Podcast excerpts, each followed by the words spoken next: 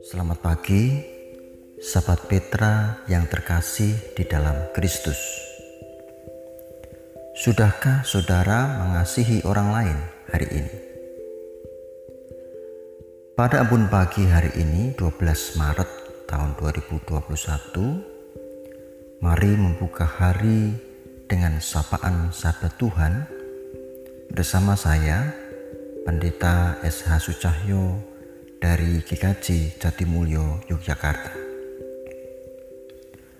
Adapun tema renungan saat ini adalah kebenaran Pilatus vs kebenaran Kristus.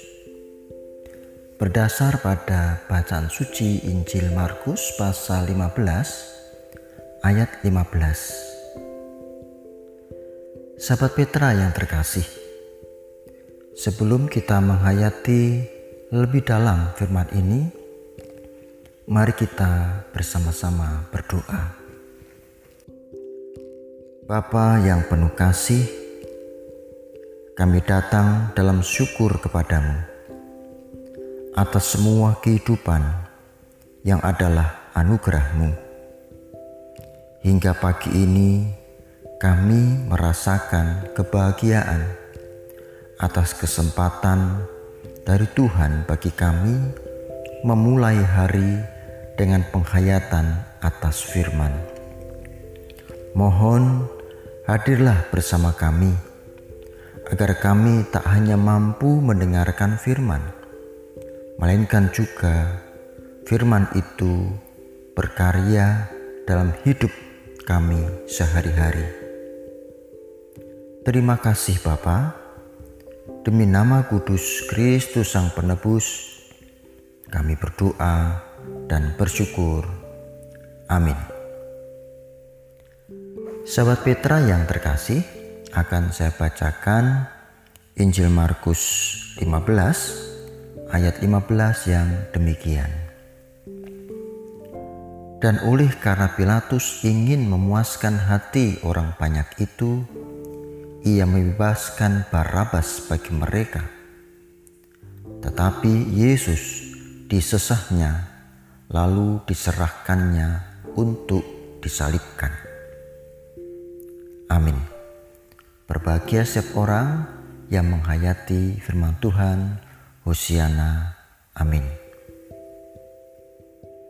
Sahabat Petra yang terkasih, benar dan kebenaran tampaknya sama. Adil dan keadilan tampaknya juga sama, tetapi sesungguhnya berbeda. Jika benar, lalu benar menurut siapa? Jika adil, adil menurut yang mana? Benar dan adil senantiasa berkaitan dengan kepentingan suatu pihak atau salah satu pihak saja. Itu berarti bertambah merugikan atau menindas pihak yang lain. Berbeda dengan benar dan adil. Kebenaran dan keadilan bersifat universal. Kebenaran dan keadilan adalah benar dan adil bagi semua orang tidak ada keberpihakan pada salah satu pihak, melainkan keberpihakan bagi semua. Kebenaran dan keadilan berdiri pada dirinya sendiri. Sahabat Petra yang dikasih Tuhan, bagaimana dengan perilaku kita? Sudahkah bertindak dalam kebenaran dan keadilan? atau baru sebatas benar dan adil menurut pihak tertentu saja. Dalam peristiwa penyalipan Kristus, Pontius Pilatus melakukan keberpihakan.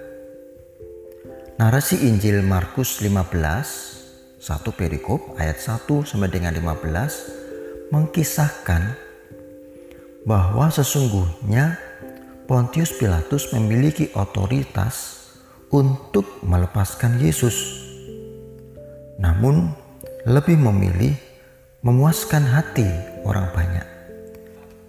Melepaskan Barabas, lalu menyesah Yesus dan menyerahkan pada mereka untuk disalibkan.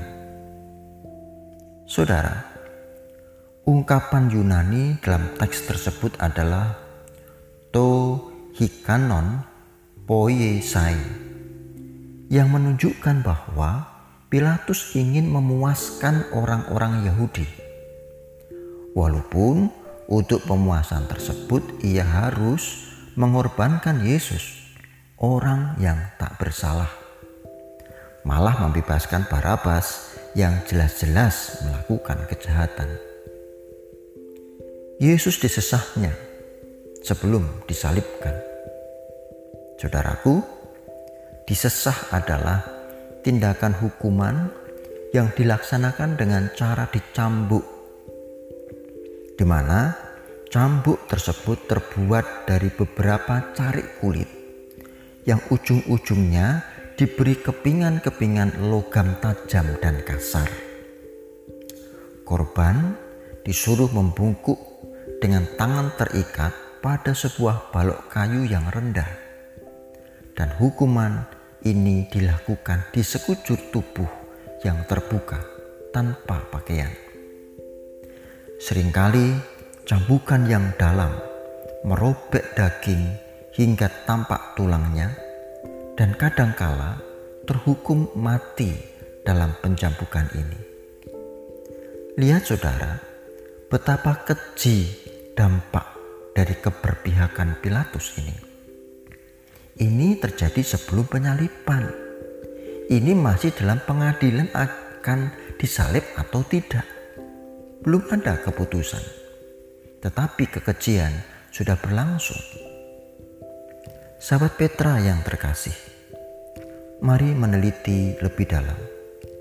Kira-kira apa yang melatar belakangi keputusan Pilatus ini? Mengapa ia lebih memilih abai tentang kebenaran. Padahal sesungguhnya ia tahu kebenaran itu ada dalam Kristus. Dan motif kedengkian Sanhedrin. Lihat saja di ayat 10. Pilatus sesungguhnya memihak kepentingan siapa? Mari meneliti lebih dalam. Saudara, yang terlihat adalah bahwa Pilatus mengalami kebimbung. Yang terlihat adalah bahwa Pilatus mengalami kebimbangan dan kebingungan. Dalam pemerintahan Pilatus ada banyak kerusuhan, pemberontakan di beberapa tempat. Dan itu mengancam posisinya sebagai gubernur. Tampaknya ia tidak mau peristiwa Yesus menambah kerusuhan yang ada. Apalagi ungkapan Sanhedrin, jika ia tidak menyalibkan Kristus berarti bukan sahabat kaisar. Ini menakutkan bagi Pilatus. Oleh karenanya, banyak hal dicoba untuk mengatasi keributan atau kerusuhan publik pada saat itu. Contohnya pertama, mengirim Yesus pada Herodes karena Yesus berasal dari Galilea. Pilatus hendak menghindar dari masalah ini. Ini bukan masalahku, ini masalahnya Herodes. Itu yang dipikirkan. Yang kedua, mencoba membebaskan Yesus dengan alasan yang tidak tepat. Ingin membebaskan Yesus sekedar untuk memenuhi kebiasaan di hari Paskah. Tidak ada kebenaran yang ditonjolkan. Yang ketiga, justru malah melepaskan Barabas yang jelas-jelas salah, yang jelas-jelas jahat untuk memuaskan hati orang banyak. Yang terakhir yang keempat menurut saya, meski mencoba meyakinkan pada orang banyak tentang integritas diri dengan mencuci tangan, tetapi tetap saja ia menyesah Yesus dan menyerahkannya pada orang banyak itu untuk disalibkan. Sahabat Petra yang terkasih, Yang kentara adalah bahwa Pilatus memuaskan kepentingan orang banyak dengan memuaskan keinginan mereka. Tetapi sesungguhnya ia sedang memihak pada dirinya sendiri, kepentingannya sendiri. Karena dengan demikian menurutnya kerusuhan bisa diredam. Dan jika bisa diredam, maka kekuasaan dirinya sebagai gubernur tidak akan digeser tidak akan ada tuduhan bahwa dia bukan sahabat kaisar. Pontius Pilatus memiliki kebenaran dirinya sendiri tetapi bukan kebenaran yang sesungguhnya. Pontius Pilatus mengalami kebingungan. Bagaimana dengan saudara? Bukankah sering kali kita mengalami kebingungan seperti Pontius Pilatus?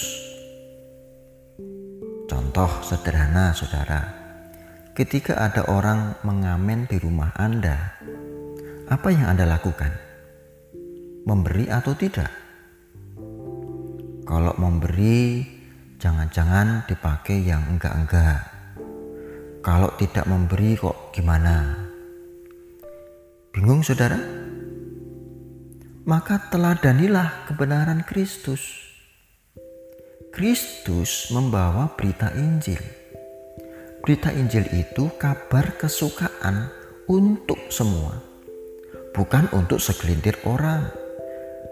Lihat untuk siapakah salib dipikul, untuk siapakah Kristus didera dan dihina, bahkan disalibkan untuk menolong kita semua, untuk mengasihi kita semua. Mestinya soal memberi atau tidak pada pengamen bukanlah yang membingungkan. Tuhan sudah memberi banyak pada hidup kita. Masih beratkah memberi sedikit pada saudara kita, yaitu pengamen? Contoh ini memang sederhana, saudara. Masih banyak contoh yang lain, tetapi saat ini saya mengajak, mari meneladan kebenaran Kristus bukan kebingungan Pontius Pilatus. Mari menyatakan berita baik untuk semua. Amin. Demikian sahabat Petra yang terkasih dalam Kristus, kiranya hikmat dan kasih Tuhan senantiasa terasa dalam setiap langkah nyata hidup kita. Saya, Pendeta Esa Sucahyo, dari GKJ Jatimulyo mohon diri. Sahabat Petra, selamat mengasihi orang lain hari ini. Tuhan Yesus memberkati.